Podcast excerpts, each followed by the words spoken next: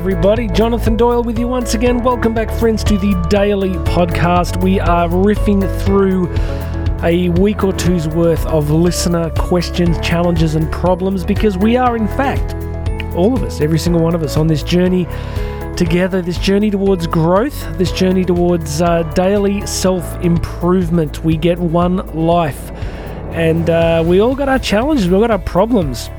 You live long enough, friends, you see enough life, you realize that uh, nobody gets to ride for free. We are all on this journey, and the great thing about having you guys listening to the show is that you are the kind of person who is uh, interested in growing, interested in developing, you know, and the purpose of this growth and development is I don't know, to give glory to God, to kind of contribute to ease the suffering of our fellow sisters and brothers on this great big journey together. Gosh, that's a big intro, huh? Not expecting much of you, am I? Just expecting that you'll alleviate the pain of suffering of those around you. But um, all we got to do is move the needle a little bit each day. That is the task, just to move the needle a little bit each day. I'm uh, I'm doing the best I can with that at the moment. I'm training pretty hard. I'm eating well. I'm trying to sleep properly. Just uh, trying to do what I can and been enjoying speaking again. You know, just recently been back on stage, and uh, it's a great joy just to to be back with real humans and to try and offer some words that uh, encourage and inspire people. So, friends, I hope today's uh, to be a blessing to you. Please make sure you have subscribed. Hit that subscribe button. I know I say it every episode. It does make a difference. If you could leave a review, leave some stars, take a moment to do that. It does help. And what else? Go check out the show notes. There are a whole bunch of things there. You can get a free copy of my book. You can get coaching with me. You can book me to speak. Uh, and you can find the YouTube channel on the link. So, whatever podcast platform you're listening to, check those show notes because there's a bunch of good stuff there, including Karen's masterclass. My amazing wife works with with uh, women. She coaches women all over the world. So if you are A, female, B, interested in managing the crazy, busy, overwhelming nature of modern life in personal, business, or family settings, then go check out her masterclass. I'm really proud of what she does, and I know that it makes a huge difference to so many people. So, friends, let's jump in today. We're going to talk about the topic of self judgment, and we're going to talk about particularly about critical self judgment. This comes from a listener whose question is, you know, how do I deal with overcoming judgment of myself and dealing with others judging me? I got a few thoughts on this. Uh, just randomly, the the concept of others judging me, I almost said, well well, look, there's a bifurcation here, isn't there? There's, there's, I think you'll agree with me that people come at this two different ways. There's the kind of swag approach, which is I don't care what anybody thinks of me. I'm just going to be my own person, and I get that. I get this kind of idea that there's a certain degree of psychological, emotional health that comes from being pretty disinterested from what people around us think of us. I think that works up to a point. I'm not convinced it works with the people that we love the most.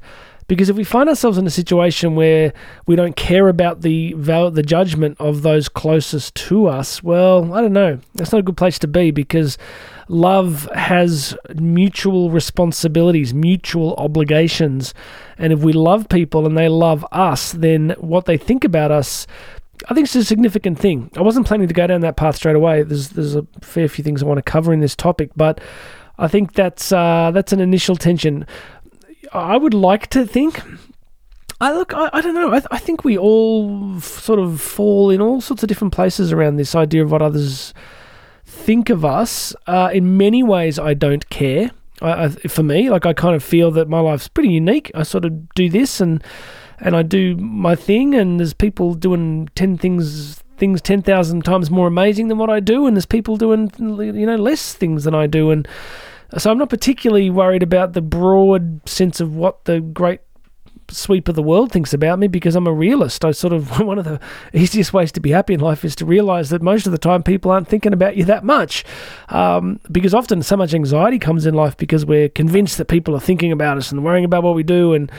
Um, but I do find myself, especially when I'm speaking, you know, I want to do a good job. I want to really help people. And if people have paid to have me there and they're taking a risk putting me in front of people, that I want to do a great job. So I do care about their judgment of me in that sense.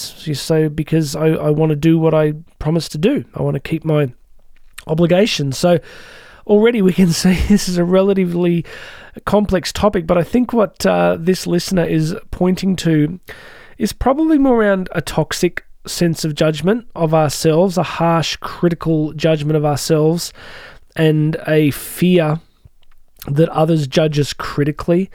Uh, I said in an episode a couple of days ago, you know, we're all born with different temperaments. We're all born with different personalities. Some of us are just easy to love. Some of us are just, you know, ebullient and, and funny, and the world just loves us. And some of us have to really work at it. Some of us are quiet and we wonder if there's something wrong with us. So, you know, we're all on this human journey, right? And we all have been dealt different cards. Some of us came from the most beautiful homes and great families, and we've been relatively unscathed by the vicissitudes of life. And some of us have been absolutely beaten up on the journey. Some of us have been traumatized, abused, rejected, hurt, abandoned. And so, this concept of judgment is going to be a big issue. And I think what the listener is referring to here is this internal self critic, right? This this critic that's like just constantly chipping away at us. All of us, I think, have probably experienced some degree of it. Uh, but here's a few things I want to talk about. On my run this morning, my training run, for those for those of you not familiar with my insanity, in a few weeks I'm doing a 255 kilometer bike race, and then uh, 10 days after that I'm running an ultra marathon. So I'm sure that'll go well. I just want to see what the episodes. I might have to record about 50 episodes before before I do it. Just put them on auto auto posting because it'll be like, "Where's Jonathan? We haven't seen him for a few weeks." it's because I'm sleeping. Um, so on my training run this morning, I was listening to uh, an interview between Joe Rogan and Gabor Mate. Uh, Gabor Mate, who, if you're not familiar with him, he's written a great deal on addiction and uh, he his thesis is that all addiction is always, without exception, driven by trauma. And listening to him this morning, he was basically his thesis was, if you look into the natural world, babies are just kind of, in a sense, loved unconditionally, right? There's a huge evolutionary uh, predisposition for that, right? So species want to continue to live, so they invest heavily in the young. And so, you know, he was giving the example of when a mother elephant gives birth, um, a whole bunch of other female elephants stand around, and when the baby is born, they all start stroking the baby with their trunks, right? And his thesis is that in the natural world, there's this kind of unconditional affection, nurturing that's just present. But he said, you know, if you look at the whole controlled crying thing and you know the, some aspects of the disciplining of kids that we've kind of got in the developed world at least a you know a sort of parenting paradigm where you know we it's tough love at times and control crying and we don't want to pick the kid up all the time and we can't feed them whenever they're hungry. And uh, as a parent I can definitely remember some of that stuff and all the conflicting advice and so at this point, if some of you are listening going, hang on, we've covered elephants, we've covered control crying, what, what are we doing here today? It's simply, um, you know, Gabor Mate's, Gabor Mate's thesis is that many of us are, have not emerged into life with the experience of unconditional love. And so this unconditional love means that we can end up with a I guess, a, a, level of psychic damage, which is that do we, you know, uh, do we belong here? Were we welcomed here? Are we loved unconditionally? And then the thesis is that then a lot of people get driven into addictions or proving behaviors. So proving their goodness through work or through success or different things. And so I guess if I was to tie all this together, we'd be talking about the fact that many of us through the wounds of our childhood, perhaps, have experiences lacking in unconditional love.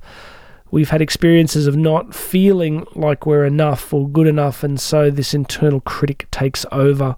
And we judge ourselves harshly. We assume that other people are judging ourselves harshly. These are very deep things. They're they're semi-conscious, often at best. And as I said in a recent episode, often, not always, but often what can happen with therapy is that you end up exploring the truth of where trauma might come from. But I'm not convinced that the therapeutic industry is at yet, is as yet fully as gifted in strategically helping people grow through that. By which I mean, a lot of therapy people end up kind of understanding their childhoods and, and picking all the pieces apart, but often not actually getting healed. And really, what this episode is about is about healing, right? Because critical self judgment and fear of others judging us is a wound. It's it's it's a response to pain. And I think I could prove that by saying, well, imagine somebody who is loved completely unconditionally and feels completely at peace and accepted and belonging in the world. Then there's not a lot of room there for negative self judgment. Now, by this, I'm not talking about narcissism, which means you have no sense that you can do wrong and that you can make poor decisions and hurt people and cause offense. Like, so we all go, we're all going to do that. And when we make mistakes, we need to recognize that we acted poorly and we need to ask for forgiveness if required and make an effort to do better next time. That's just humanity. That's just our journey, right?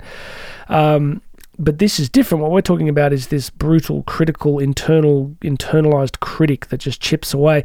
And one of the ways you can always tell is it's never going to be on your side. The internal critic is not the one that, you know, you do something wrong, the internal critic's like, oh, here we go, you've done it again. Everyone hates you. I can't believe you did this. Look at what you did. No one likes you. You're such an idiot. You stuffed this up. Whereas I think the voice of, uh, you know, I guess what I would call the Holy Spirit is the voice of challenge and invitation, which is, you know, you can, you, you got this. You're going to grow in this area. You're gonna, you're gonna come through. You're gonna, you're gonna get better in this. It's, it's the same circumstance. We might have done something wrong or had a negative experience, but the voice is different. The internal critic is, is very different to the voice that encourages, encourages us towards growth. So, man, we're covering everything today. We got, we got psychology. We got theology so, what are we going to do? Uh, a couple of useful things. First is just to file away the crucial difference between shame and guilt. Shame and guilt. Some of you would know this one, many of you wouldn't. You must get really good, my friends, at the crucial delineation between the psychodynamic experiences of shame and guilt. Guilt is an appropriate psychological response to having done something objectively wrong. So, if you harm someone and there was a degree of deliberateness about it, like you're angry or you're this or you're that, and you actually go out of your way to square the ledger and you do something to hurt somebody, then and then you realize it, that's psychologically healthy. It's called guilt. You see, the way I can prove that is to say, imagine guilt doesn't exist as a concept. Imagine, imagine we could not experience guilt. You don't want to live in that world. You really do not want to be in that world. You want to be in a world at the moment where guilt is a thing because guilt is self reflective and guilt, guilt allows you to grow. Guilt allows you to improve relationships by recognizing that you damage them and seeking uh, reconciliation and um, reconnection with people. So, having done wrong in our lives, as we all have, that sense of guilt drives us towards resolution and growth. Guilt doesn't have to be a toxic negative thing. Shame is different. Shame is not that I have done wrong, shame is I am wrong. Shame, uh, guilt is I've done something bad, as opposed to shame being I am bad. So, shame is something that takes over our entire existence and colors our reality and our sense of self, whereas guilt's an appropriate emotion on, in particular circumstances. So, I want to make sure when it comes to this journey of judgment, we, we want to push back against shame. We want to accept guilt if it's appropriate. All right, so that's one little useful thing to file away. So, what I would like to suggest is when you find yourself experiencing the internal critic, when you find yourself experiencing brutal self judgment or you're fearing the judgment of others, a few things. Ask yourself some I love reframing questions. Here they are. Is this kind? Is this fair? Is this true? Is it moving me toward the life I desire? So when you're beating yourself up, ask yourself this this, you know, is this kind? Would would you treat someone else like this? Would you treat someone you loved this way? Would you treat someone you love with the kind of, you know, tough, unkind self-judgment and internal criticism that you give to yourself? Is it fair? You know, whatever's happened, is you're beating up on yourself. Is that is that fair given the circumstance? Like to judge yourself so harshly. Maybe you didn't get something perfect. Maybe you didn't do something the way you wanted it to. Maybe something didn't work out the way you wanted it to. Is it really fair to just to just judge yourself really harshly? Is it true? You know, is it objectively true? Sometimes we can just be so hard on ourselves for something that, you know, somebody else might perceive a bit differently. And finally, we want to be conscious of the life that we're gravitating towards, which is a life of greater contribution, peace, love, joy, you know, creativity. These are things we want in our life. We want more of these things. So, one good filter to use if you're deep in the well of, of internal criticism and self judgment is is talking to myself this way moving me towards the life that I want? Because if it's not, then you have to stop, and it's a discipline to begin to stop. So, what we're, I just want to wrap this up, and, and really the way to wrap it up is to talk about what underpins all of this. And really, what underpins it is the concept of healing. And even Gabor Mate said that today in the interview. Like, you know, he's a world famous guy with heaps of books on this. Like, he said that really what we're talking about is healing. Because if we've had trauma, if we've had pain, if we've had setbacks, then think of them as physical injuries, right? If you've had a bunch of physical injuries, then what you want to do with those is heal them, right? You want it, you want them to go away. You want them to be restored. You want restoration. So we're talking about the journey of healing, and I want to give you a couple of thoughts. There's two things that look. I'll give you three. You can definitely consider counselling and therapy if it's helpful to you. I, I have a I have a conflicted, complex attitude towards that the, in this season. I, have talked about that in previous episodes. I'm not saying don't do it. I'm just saying you want to find somebody who can get you beyond the narrative, right? You want to find somebody who can get you beyond describing your past and giving you really genuinely actionable, useful strategies in the real moment to transcend and heal that suffering, right? That's what you want to look for. So definitely don't rule out good psychologists, counselors, pastors, priests, whatever can be helpful to you. So, you know, I have a, a beautiful spiritual director in Denver.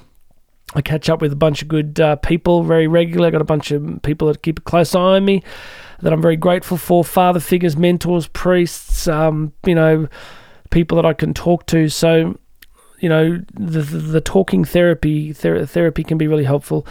Uh, the other thing is you want to develop the discipline of rebuking and catching yourself in the act of harsh internal criticism and judgment, which literally means moment to moment.